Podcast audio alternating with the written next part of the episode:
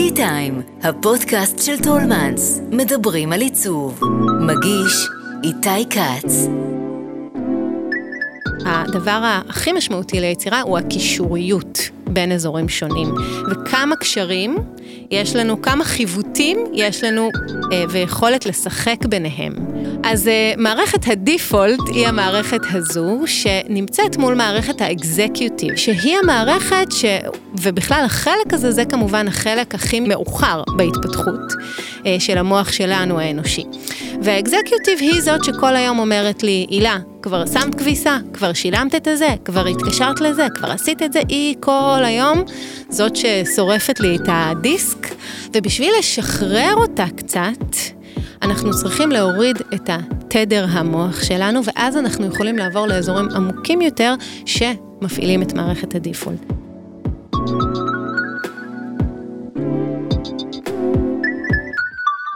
שלום, אני איתי כץ ואתם על טי-טיים, הפודקאסט של טולמנס, שבו אנחנו פוגשים אדריכלים, מעצבים ויוצרים לשיחה מרתקת על עיצוב, אדריכלות, סגנון חיים ותרבות ישראלית. בכל שבוע אנחנו פוגשים כאן אנשים יצירתיים, וגם היום זה קורה, כשהפעם ננתח גם את היצירתיות עצמה בעזרתה של הילה נבו. שאיפה להבין קצת אחרת את ההקשרים שבין יצירתיות, מוח, אסתטיקה ועוד כל מיני דברים, מה שקוראים לו נוירו-אסתטיקה. אהלן הילה. אהלן איתי, כיף שבאת. כיף להיות פה. את הגעת לשדה המעניין הזה שעוד מעט נרחיב עליו מהו בכלל אה, דרך אומנות ועיצוב ובאחד נכון. הכובעים האחרים שלך גם היום את יועצת אומנות לאספנים בקנה מידה מאוד אה, מגוונים ובעצם כבר סללת לך דרך די בטוחה לעולם הגלריות. אה, לא שעזבת אותו לחלוטין אבל כבר ראינו איך את מתקדמת לשם אני בתור התחלה מעניין אותי לדעת מה עורר, בך בעצם את היצר הזה להבין לא רק איך שוק אומנות עובד וכן הלאה, אלא לצלול עוד איזה סטפ למטה, אה, איך אנחנו מגיבים ליצירה בצורה מסוימת. אמ, אז אני אתחיל אולי רגע לפני שנצלול לנוירואסתטיקה, שכבר אמ, בזמן שלמדתי את התואר הראשון בעיצוב בחולון, אמ, בתוך התואר הזה שהוא מאוד פרקטי, השיעור שהכי אהבתי היה שיעור פילוסופיה בהתמקדות לאסתטיקה. ואז כשנכנסתי לעולם הגלריסטי, שזה היה כבר uh, תוך כדי uh, סוף הלימודים שלי, החלטתי שאני לא מסתפקת בזה, ועשיתי תואר שני באוניברסיטת תל אביב בפילוסופיה, עם התמקדות באסתטיקה, כאחד משלושת ענפי הפילוסופיה. אז uh, שם התחלתי לנבור בלהבין קצת מעבר לעולם החומרי שאנחנו נמצאים בו. ובעצם uh, התחלתי גם ללמד את זה ולהרצות על החיבור הזה בין פילוסופיה, אסתטיקה והשדה העכשווי. אני אגיד שאני מתעסקת בעיקר בשדה העכשווי של אומנות ועיצוב, אני לא מתעסקת בזה בראי הרנסאנס ודברים mm-hmm. כאלו. אה, ואז במהלך השנים אה, המשכתי עם החיבורים האלה, ולפני, אה, קצת לפני הקורונה, הגיעה אליי בקשה משותפה יקרה לדרך, מיכל גאון, לכתוב איזושהי הצעה לאחד הבתי חולים הגדולים בארץ, שתהיה הרצאה חד, הצעה חדשנית בעולם האומנות, איך להשתמש באומנות בבית חולים. ובעודנו uh, חושבות איך לעשות את זה, צללתי למחילת המחקר שלי, וניסיתי להבין מה אני יכולה להביא חדש. ואז גיליתי את המונח הזה של נוירואסתטיקה, וככה נדהמתי מהדבר הזה, שלמעשה uh, מתקיים פחות או יותר 20 שנה. תחת הכותרת הזאת, uh, שמי שייסד את התחום באופן פורמלי הוא, הוא דוקטור סמיר זקי. ו... והתחום התחיל מהמקום של פריצות הדרך במחקר שקשור במוח ו-FMRI והיכולת שלנו להתבונן על המוח, על מערכות העצבים, אה, על המערכות ההורמונליות, ולחבר את זה לעולם החושי שאנחנו חווים אותו. אז ככה גיליתי את זה תוך כדי המחקר שלי לה, להצעה לבית חולים, ומשם כבר החלטתי שאני הולכת לדרך הזאת, גיליתי שיש תוכנית אחת ללמוד את זה באופן פורמלי בלונדון, בגולדסמית, אוניברסיטת גולדסמית. הבנתי שאין לי סיכוי להתקבל לשם, ואז הבנתי שאני אתקבל לשם. כן, אז ככה זה התחיל. אמ, דיברנו בשיחה לפני השיחה הזאת עכשיו על העניין הזה בכלל של אסתטיקה, ואמרת לי דבר ש... וואלה, אני חושב שהוא קצת חולף לנו מעל, ה... מעל הראש, שאסתטי זה לא שווה שם נרדף יופי. יפה. נכון, אנחנו תמיד חושבים, או רובנו, שאנחנו אומרים, זה אסתטי, זה לא אסתטי, זה כמו להגיד, זה יפה, זה לא יפה. וואלה, זה לא, זה לא המצב. נכון, אז מי שהתחיל עם התפיסה הזאת שאתה מדבר עליה, עשה את זה באמצע המאה ה-19, ושמו היה באומגרטן, שהוא חיבר את מושג האסתטיקה לעולם היופי, אבל במקור המילה אסתטיס מגיעה מיוונית כמובן. אה, והמקור שלה זה הניתן לחישה, זאת אומרת כל מה שעובר דרך החושים שלנו, ולכן מוזיקה זה אסתטיקה, אמ, וכל processing שאנחנו מקבלים מהעולם דרך החושים שלנו, יכול להיכנס תחת המטריה הזו של אסתטיקה. אז איפה המקום הזה ש... המקום שבו המוח, הנוירו, העצבים, נכון? Mm-hmm. והאסתטיקה, אמ, מה בעצם השדה הזה מבקש אה, לחקור? לחקור. מה בעצם, איפה המפגש או הנקודות מגע שאותם השדה הזה מבקש לחקור? אמ, אז אולי אני אתחיל רגע מעוד תפיסה שגדלנו עליה, ש, שיש את כל מה שקורה בחוץ. שזה לצורך העניין, אם אנחנו מסתכלים על השדה שיש כאן בינינו על השולחן הזה, אז נגיד אדריכלות, עיצוב, נכון? שבתוך זה יש בעצם עולם חומרי, שאנחנו מדברים על איך אנחנו משחקים בו, איך אנחנו מעצבים אותו, אה, בונים אותו, צובעים אותו וכולי. אה, ובתפיסה המערבית, יש אחרי זה, אה, זה, זה נחשב חיצוני לנו. ויש את העולם הפנימי שלנו, שזה מערכות העצבים, ומה קורה בבית מרקחת הפנימי שלנו, איזה חומרים אנחנו מפרישים, והמילים החמות של השנים האחרונות, שזה דופמין ואוקסיטוצין, וכל הדברים האלה שהם הכרובית של 2012, אייל שני כזה, נכון? אה, אז אנחנו גדלנו בתפיסה ששני אלה נפרדים, ובאמצע מה יש? יש את האור שלנו, יש את הגבול הזה של בין החוץ לפנים. אממה, פספסנו איזה משהו קטן, שבעצם כל החלק הזה של האיבר הזה, של האור, של העיניים שלנו, האוזניים וכולי, הם מלאים בקולטנים, שנקראים רצפטורים. Uh, רצפטורים uh, זה בעצם מה שמכניס את האינפורמציה של מה שקורה בחוץ לתוך הגוף שלנו. ולכן כל מה שנכנס, כל האינפורמציה הזאת כל הזמן משפיעה על העולם הפנימי שלי, הגוף שלי, אה, מערכות העצבים שלי, אם מופעלת אצלי עכשיו מערכת העצבים הפרסימפטית, שהיא זאת שאחראית על החומרים הטובים, או מערכת העצבים הסימפטית שאחראית על רמות הסטרס בגוף. אמ, מה קורה עכשיו מבחינת הדחייה או המשיכה שלי למשהו? והדברים האלה הם דברים שמכוותים אצלנו כמשפחת היונקים כבר מיליוני שנים, והם לא דברים שנולדו כאן אתמול, וזה אחד הדברים שבעצם השדה הזה מבקש להתבונן עליהם. עד כמה אנחנו hardwired, זאת אומרת, עד כמה אנחנו מכוותים, באופן כזה שלפעמים אנחנו נותנים לעצמנו המון קרדיט על כמה שאני אוהב את זה, כי זה מדבר לזה ולזה, ונכון, יש גם הרבה הסברים שאנחנו יכולים לתת על, על משיכה שלנו לדברים, אבל בבסיס אנחנו קודם כל מכוותים, למשיכה או לדחייה. והמנגנון הזה הוא מנגנון מאוד בסיסי, שהמערכת שלנו כל הזמן מופעלת ממנו. זאת אומרת שאם אני מתרגם את זה למקומות שאנחנו נמצאים, בסדר, אנחנו, אני יודע שבבית מלון נעים לי, ובבית חולים לא נעים לי, וכולנו מגיבים, כן, נכון, לדברים האלה, אבל אז מה, זה בעצם מנסה למצוא איזה סוג של פשר מהמקום השני? זאת אומרת שאם עכשיו... אני לא יודע, אני נמצא עכשיו בתחנת רכבת, או נמצא בזה, למה, למה, למה במקום מסוים הגוף שלי, העור שלי, העצבים mm-hmm. שלי, יגיבו לזה ככה ואחרת? גם. ואם ניקח לדוגמה, אז בואו נדבר על אה, רכבות uh, תחתיות. אוקיי. Okay. שזה אחד המקומות שכשאנחנו יורדים מתחת לאדמה, ויש לנו תקרה נמוכה מעל הראש, ובדרך כלל חשוך יותר שמה, כל מערכות העצבים שלנו נכנסות לאלרט, למצב שהוא מגננתי. ולכן התוצאה של זה שאתה יכול לראות שם הרבה ונדליזם, זה מקומות שהם מועדים פורענות מבחינת פשע, אלימות, דברים כאלה. ואם אנחנו רוצים רגע לדבר על איך היום מתייחסים דרך העולם הנוירו-אסתטי לניסיון לתקן מקומות כאלה, זה זה שאתה יכול לראות היום באירופה, שיש אה, פרויקטים מדהימים של רכבות, אה, תחנות רכבת תחתית, לדוגמה בשוודיה, שנתנו לאמנים להשתלט עליהם, בשביל ליצור בעצם חוויה ש... קודם כל מפעילה את כל המערכת שלנו באופן שונה לגמרי מהדיפולט שהיינו רגילים כשאנחנו יורדים ברק... במדרגות הנאות אל מתחת לאדמה. אז, אה, ו, והמחקרים גם מראים איך באופן מיידי כמעט רמות האלימות והוונדליזם שיש במקומות האלה ישר יורדות. Mm-hmm.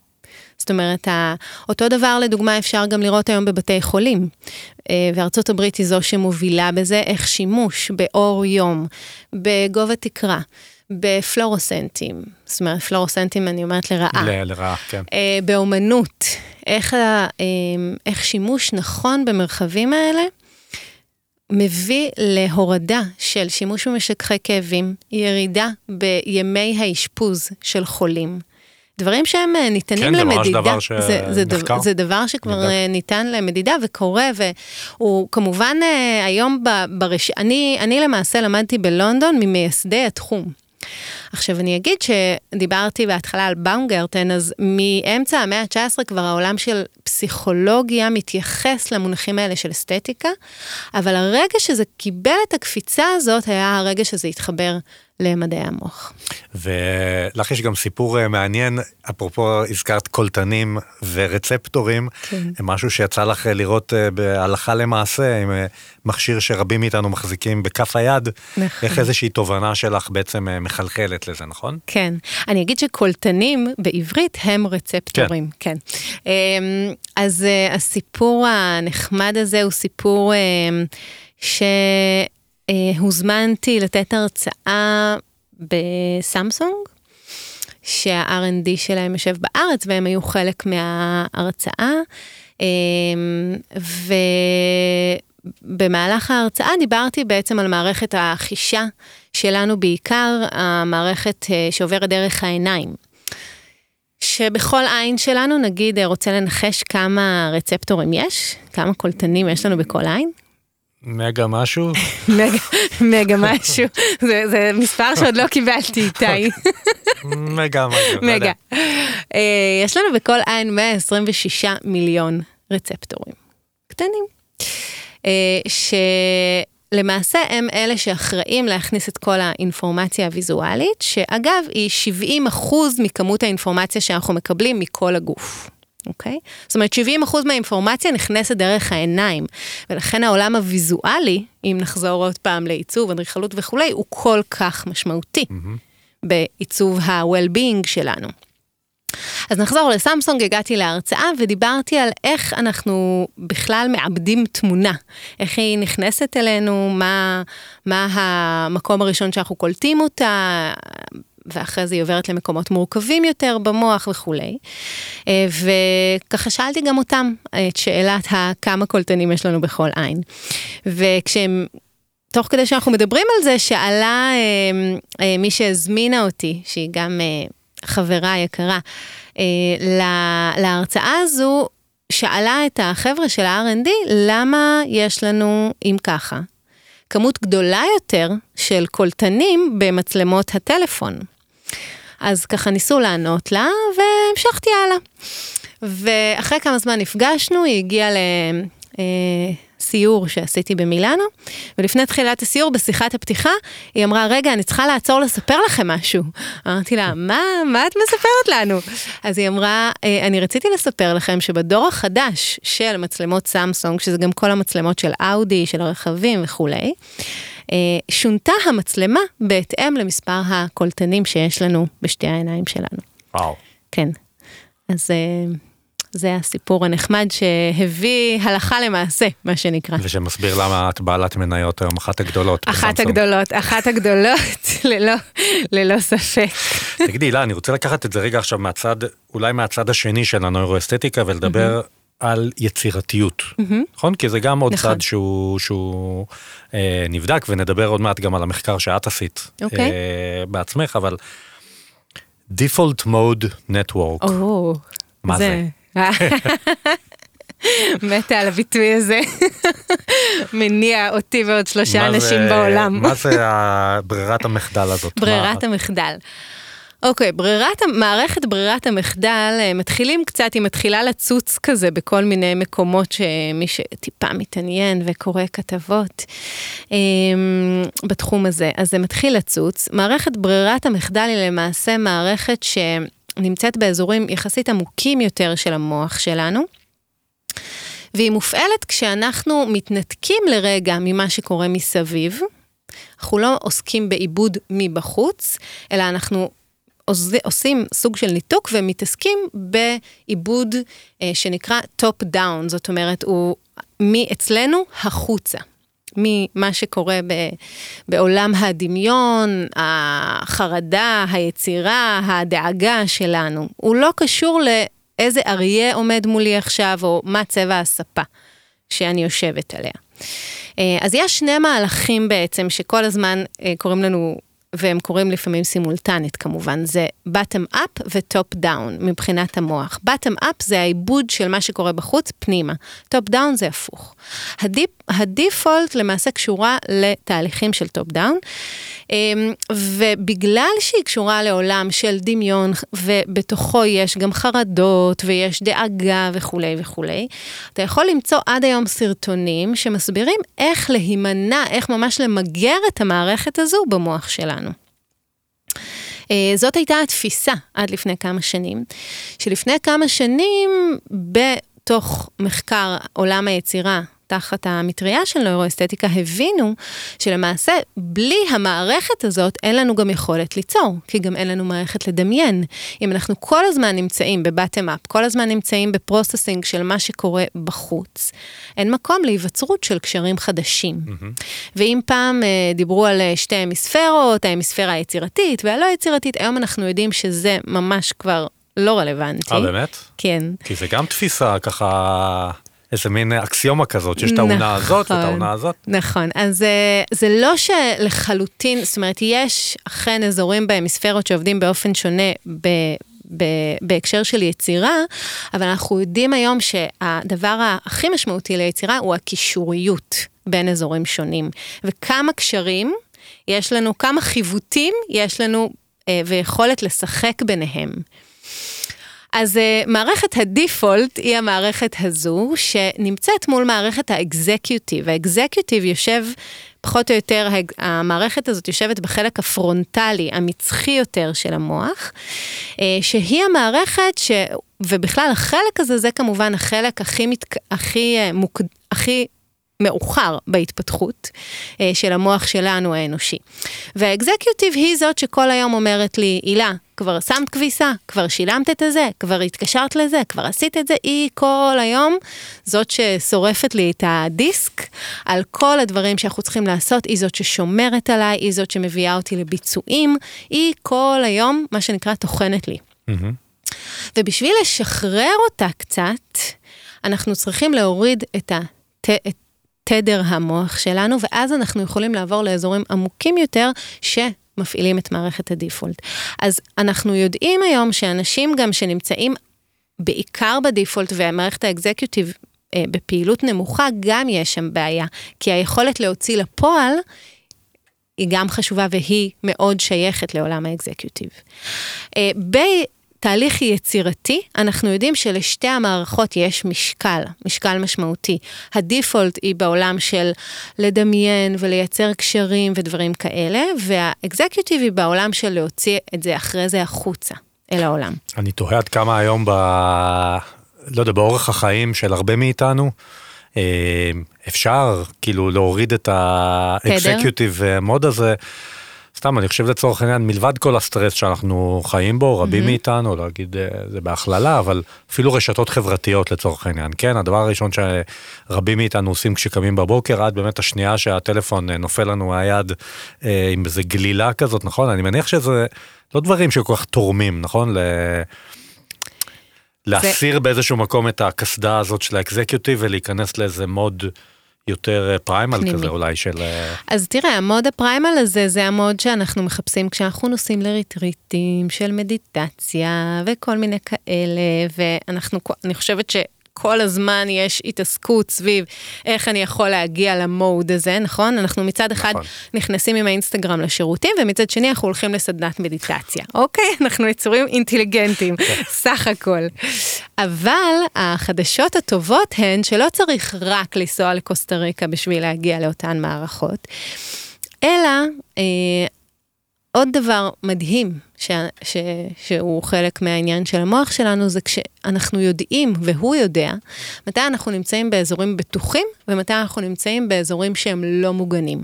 לדוגמה, כשאני מסתובבת ברחוב ויש מולי המון אנשים שאני לא מכירה, כשאני נמצאת על הכביש, מערכת האלרט שלי מאוד מופעלת. ו... מקושרת אליה האמיגדלה, שאחראית על להוציא את כל חומרי הסטרס אה, ולשלוף את החיילים. כשאנחנו נכנסים למרחבים שאני יודעת שהם מוגנים, עיין ערך, מוזיאון, קונצרט, היום בערב אני הולכת לאנפאזה, אוקיי? למה אני הולכת לאנפאזה? כדי טיפה לשקוע בדיפולט. זה לא רק הדיפולט, כן? אני, צר, אני צריך את הכל לשים בזה שהיום אנחנו יודעים שזה לא אזור אחד שאחראי על היצירתיות. שוב, זה הקישוריות, mm-hmm. אוקיי? ו, ולמעשה באותם אזורים מוגנים, אנחנו יודעים שאנחנו יכולים לרגע להוריד את המגננה, ובאמת לשקוע ולתת מקום להיווצרות גם של קשרים חדשים. זה חלק מאותה מערכת. זה ישר אה, מקשר אותי באמת לחשוב על אה, חללים מתוכננים, זאת אומרת, על, כאן לחבר לאדריכלות ועיצוב, זאת אומרת, המקום שבו חלל מסוים, האופן שבו את ואני ניכנס אליו, ייתן לנו את אותה תחושה שאנחנו מחפשים, את אותה תחושת אה, הגנה, נכון? וביטחון. אה, אז אני... זה מתקשר אני, באיזשהו מקום כן, לעבודה אני, של הדחים? אני אסייג את זה. אה, אגב, יש כבר אנשים שממש מתעסקים בנוירו-ארכיטקצ'ר. הנה לך לעונה הבאה. אני, אני אסייג, קודם כל יהיו הציניקנים הגדולים יבואו ויגידו, מה זאת אומרת? תמיד אני ואת נגיב שונה. נכון, זה הבסיס של כולנו לכל מדע. למי שלא יודע, תמיד יש Outliers, ואנחנו מחפשים פחות או יותר את המגמה הכללית שאנחנו יכולים לראות במחקר. אמ, הדבר השני זה שיש לנו אזור ספציפי במוח, אגב, שמתעסק באדריכלות. זאת אומרת, לא באדריכלות, הוא מתעסק במרחב, בקריאת המרחב. ובתוך זה, אחד המחקרים המעניינים אה, שעשו זה מה האלמנטים הכי משמעותיים שמשפיעים על ה-well-being שלנו בתוך מרחב. ומצאו שזה שלושה אלמנטים, נראה אם אני זוכרת אותם, זה, ההוא, זה הביתיות, אחד. שתיים, זה תחושת הבהירות, כמה אני מבינה את המרחב. Mm-hmm. ושלוש, זה האם יש משהו במרחב שהוא אה, מדהים אותי, או עושה לי איזושהי מין... אה, תחושת, uplifting. כן, uplifting, נכון, זאת המילה. Uh-huh. אז אלה שלושת הפרמטרים המרכזיים שמצאו אותם, אה, שמשפיעים באופן המרכזי ביותר על אה, חוויה מרחבית שלנו בתוך מבנים. Mm-hmm. במחקר שאת עשית, כן. אה, כן הלכת על משהו שקשור לאומנות, נכון? נכון. רצית בעצם לבדוק את התגובה של אה, אותם אה, אנשים שהשתתפו במחקר. אולי בואי תספרי את בעצמך. אמ, אז אולי בשביל לרדת למחקר שלי, אני אדבר רגע על ארבעת שלבי היצירתיות. אמ, אני מדברת על ארבעת השלבים האלה במודל שהוא יחסית מודל די מוקדם של וולאס מ-1935, אמ, שהוא דיבר למעשה על אה, ארבעה שלבים מרכזיים בתהליך של היצירה. השלב הראשון זה שלב האינספיריישן. אינספיריישן זה כל החוויות שחווינו מהרגע שיצאנו לעולם הזה ועד היום. זאת אומרת, כל חוויה שלמדתי, אה, כל אה, דבר שניסיתי, מראה שראיתי, נכנס איפשהו, אם הוא נצרב, אם הוא היה משמעותי להיצרב, אז הוא נכנס לתיבת האוצר שלי, שממנה אני יוצאת לדרך. אחרי זה יש את שלב האינקובציה.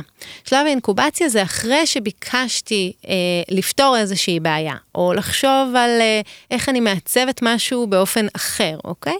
אז יש שלב שזה דוגר. זה, אנחנו חייבים לייצר איזושהי דגירה בשביל שייווצר קשר חדש, קשר בין שני תאי הצו, שיכול ליצור לי איזשהו רעיון. כמובן שלא כל רעיון הוא קשר חדש, אבל לפעמים אנחנו מצליחים גם לחבר קשרים חדשים, ואז בכלל יש לנו איזה אאוריקה כזאת. זה דבר שקורה כששוב, דווקא פה זה מתחבר לאזור של ההמיספירה הימנית, יורד התדר באזור פחות או יותר שקרוב לאוזן, בהמיספירה הימנית, ואז יש לנו אה, הזדמנות ליצור אאוריקות כאלה, אוקיי? זה נקרא שלב ה illumination, זאת אומרת, אחרי האינקובציה, יש שלב של פאפאם, נולד איזה רעיון. הרבה פעמים בין ה incubation ל illumination יש שלב שאנחנו לוחצים, עכשיו אני רוצה, עכשיו אני רוצה את התשובה, נכון? ואז אנחנו נכנסים למקלחת ומפסיקים לחשוב על זה, איפה השמפו, איפה המרכך, בום, עלה הרעיון, נכון? למה? כי כשהגעתי לשמפו והמרכך, רגע, הורדתי את התדר, הפסקתי ללחוץ, ללחוץ, ללחוץ. זה מה שקורה גם הרבה פעמים שאנחנו נכנסים, נאמר, למדיטציה, או שאני נכנסת פתאום לשמוע קונצרט, ופתאום עולה לי עכשיו הרעיון שבכלל שלושה ימים לפני זה ניסיתי.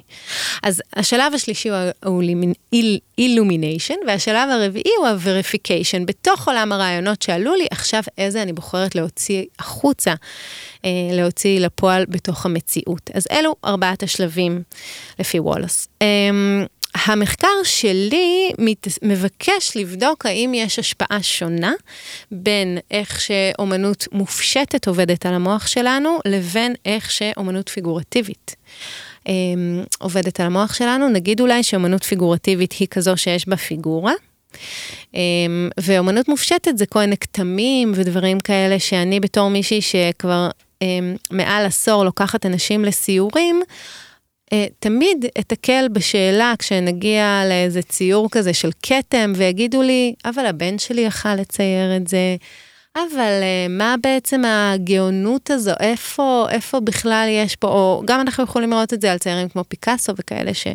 זאת אומרת, גם מאה ומשהו שנים אחרי שהאומנות המופשטת ככה נכנסה בסערה פנימה, עדיין להרבה אנשים קשה... ברור, mm-hmm. ברור, זה, זה לא ב comfort zone שלנו.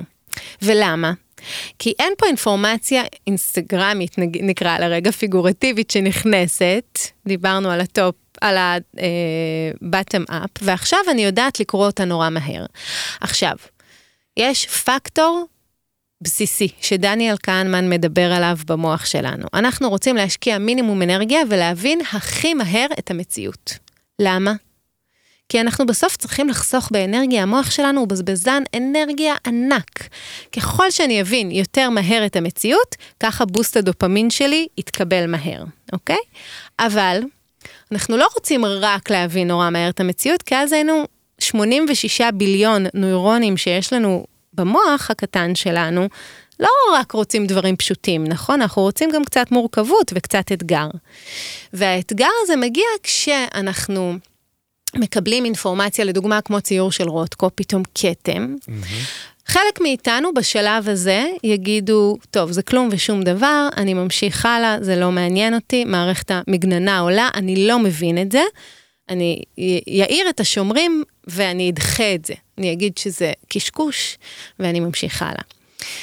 החלק מאיתנו שיש לו נטייה להיות קצת אה, עם אה, מקומות יותר פתוחים, אגב, אפשר לראות את זה גם בתיאטרון או בספרים, אנשים שיש להם נטייה לאהוב סוף נורא סגור, או אנשים שיש להם נטייה לאהוב סוף קצת יותר פתוח, אוקיי?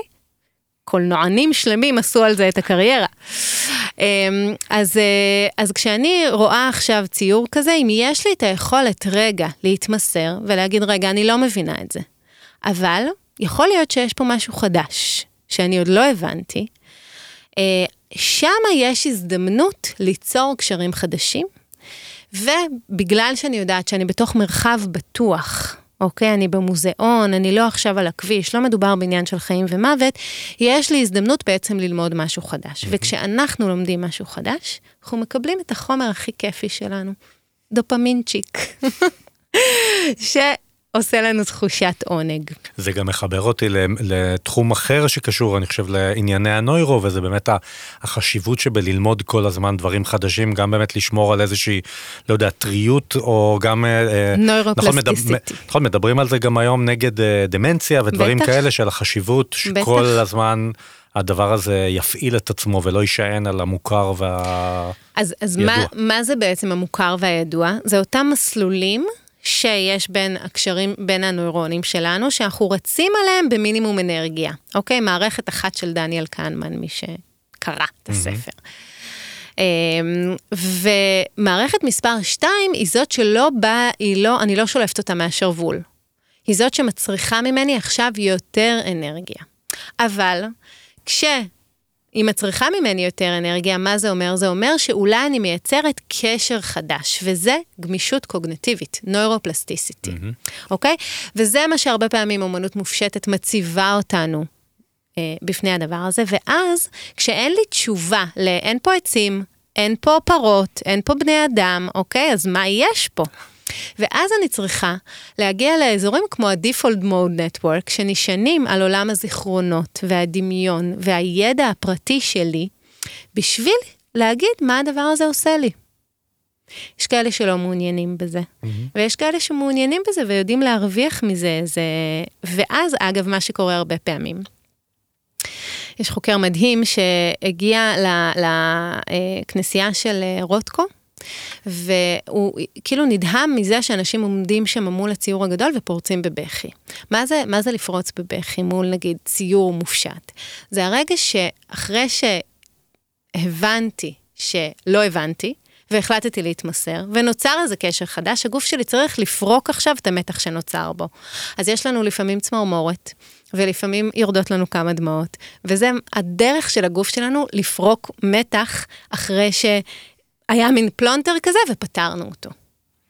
אז אה, נגיד אולי לקראת הסוף, כי דיברנו על, ה, על המחקר שלך, את בעצם נתת לשתי קבוצות של נסיינים בעצם להיחשף, נכון? אלה לאומנות פיגורטיבית, אלה לאומנות מופשטת, ונתת להם גם משימות. נכון. נתתי להם משימות, אה, היה 180 משתתפים במחקר מכל העולם, אה, והם קיבלו משימה יצירתית לעשות לפני הצפייה, ואז הם צפו בחמישה סרטונים, אה, שהמחקר היה בשיתוף פעולה עם חברת ניאו, הם למעשה ראו עבודות אומנות אמיתיות של יוצרים עכשוויים. חלקם ראו עבודות מופשטות, חלקם עבודות פיגורטיביות, והייתה גם קבוצת ביקורת שראתה פרסומות. אמ, והמחקר הראה שלמעשה האנשים שצפו באמנות מופשטת אה, ביצעו בפעם השנייה אחרי הצפייה את המשימה היצירתית באופן אה, אה, הם הראו עלייה משמעותית יותר ביצירתיות אחרי הצפייה. ואני מקווה שהמחקר הזה ימשיך אחרי זה גם להיות מחקר שייבדק ב-FMRI ובאמצעים נוספים ש... אני מקווה להמשיך לשם. טוב, זו הפרסומת הכי טובה שיש לאמנות מופשטת, או ללמה לשמור את הציורים של הילדים שם ומגיעים מהגן. אה, אין לי אחוזים בזה. הילה, לקראת סיום, את רוצה לשתף אותנו באיזושהי חוויה תרבותית אמ, שנחשפת אליה ובא לך שעוד אנשים ייחשפו אליה גם? חוויה תרבותית. אמ, אני ידעתי שאני אתקל בשאלה הזאת. אפשר גם לא. אה, אני חושבת שהמסר אולי שאני אעביר דרך השאלה הזאת, זה שקודם כל יצירתיות זה לא רק לאנשים שעוסקים בעולם היצירה. זאת אומרת, כולנו יצירתיים. וככל שאנחנו עובדים את הגוף שלנו, ואנחנו עובדים את ה... אנחנו כאילו משקיעים המון בשרירים שלנו, ובללכת לכל מיני סדנאות וליוגה ודברים כאלה, אנחנו כמעט לא מכירים את המוח. ויש במוח דברים מופלאים, שכשאנחנו מגיעים למקומות בטוחים, כמו עולם התרבות, וזה לא משנה אם הערב בענף עזה, או מחר בבוקר בהקרנה של דוק אביב, או לא משנה מה, אנחנו נותנים למוח שלנו רגע לדיסק להתקרר. והדבר הזה הוא אחד הדברים הכי חשובים בתוך המציאות שמתקיימת היום. אה, מי שמעניין אותו קצת בעולם הזה של המופשט, אני אולי אשלח אותו על הרוחני באומנות, הספר ששולח את ה... אה, נועץ את החץ לקראת המהפכה הזאת, הרגע המעניין הזה ב-1912, הספר של קנדינסקי. ואני אגיד שאותו, אותם מעלות, אותן מעלות טובות שיש כשאנחנו נחשפים אה, בעולם התרבות לרגעים האלה, קורים גם כשאנחנו הולכים לטיול ביער, כשאנחנו, אני לדוגמה, אה, שוחה בבוקר בים כדי לקרר את הדיסק שלי ולא רק בגלל המים הקרים. אמ, ובתוך העולם התרבותי והאינטנסיבי שאנחנו חיים בו היום, הרגעים האלה הם מאוד משמעותיים. הרגעים שלכל אחד מאיתנו, אגב, הם רגעים אחרים. אמ, אז אה, אם זה משהו ספציפי, אני תמיד שולחת חזרה למדבר, זה, זה התרבות שלי לפני הכל, למדבר או לאיזה פסגת הר או לים. אה, אחרי זה, כל השאר נראה לי שאני אשאיר לטובים ממני. טוב, נתת כאן אה, כיוונים מאוד מאוד גדולים, כל אחד יכול להתחבר uh, למשהו. אילן נבו, המון המון תודה שבאת. תודה איתי. היה לי מרתק. היה לי כיף. תודה לכם שהאזנתם. כל הפרקים של T-Time נמצאים באפליקציות ההסכתים, חפשו אותם ועקבו אחרינו. אני איתי כץ, להתראות. האזנתם ל-T-Time, כל מה שמרגש בעולם העיצוב.